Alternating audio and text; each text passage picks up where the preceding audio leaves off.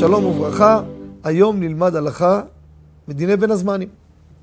יוצאים לעשות על האש בפארק. לוקחים בשרים, לוקחים עופות, יש כאלו לוקחים נקניקיות, יש כאלו עושים על האש משובח, על מרשמלו.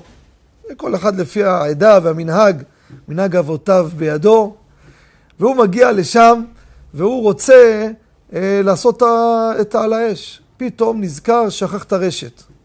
או הביא הכל את המנגל לא הביא. או חסר לו גחלים.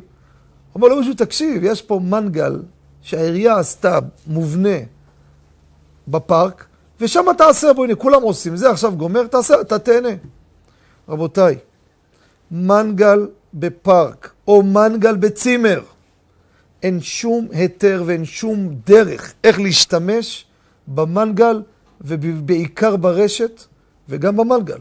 מדוע? אם חלילה וחס עשו שם נבלות וטרפות, והכל יכול להיות היום. יש גויים בכמויות, שבאים ויכולו גם כן בר מינן דבר אחר לעשות על המנגל. או פירות ים, דברים חמורים. אין שום דרך איך להשתמש בזה. לכן הולכים לצימר, חייבים להביא איתכם אה, מנגל פשוט. כי גם המנגל בצדדים הבשר נוגע בו, ואתה יכול להסתבך.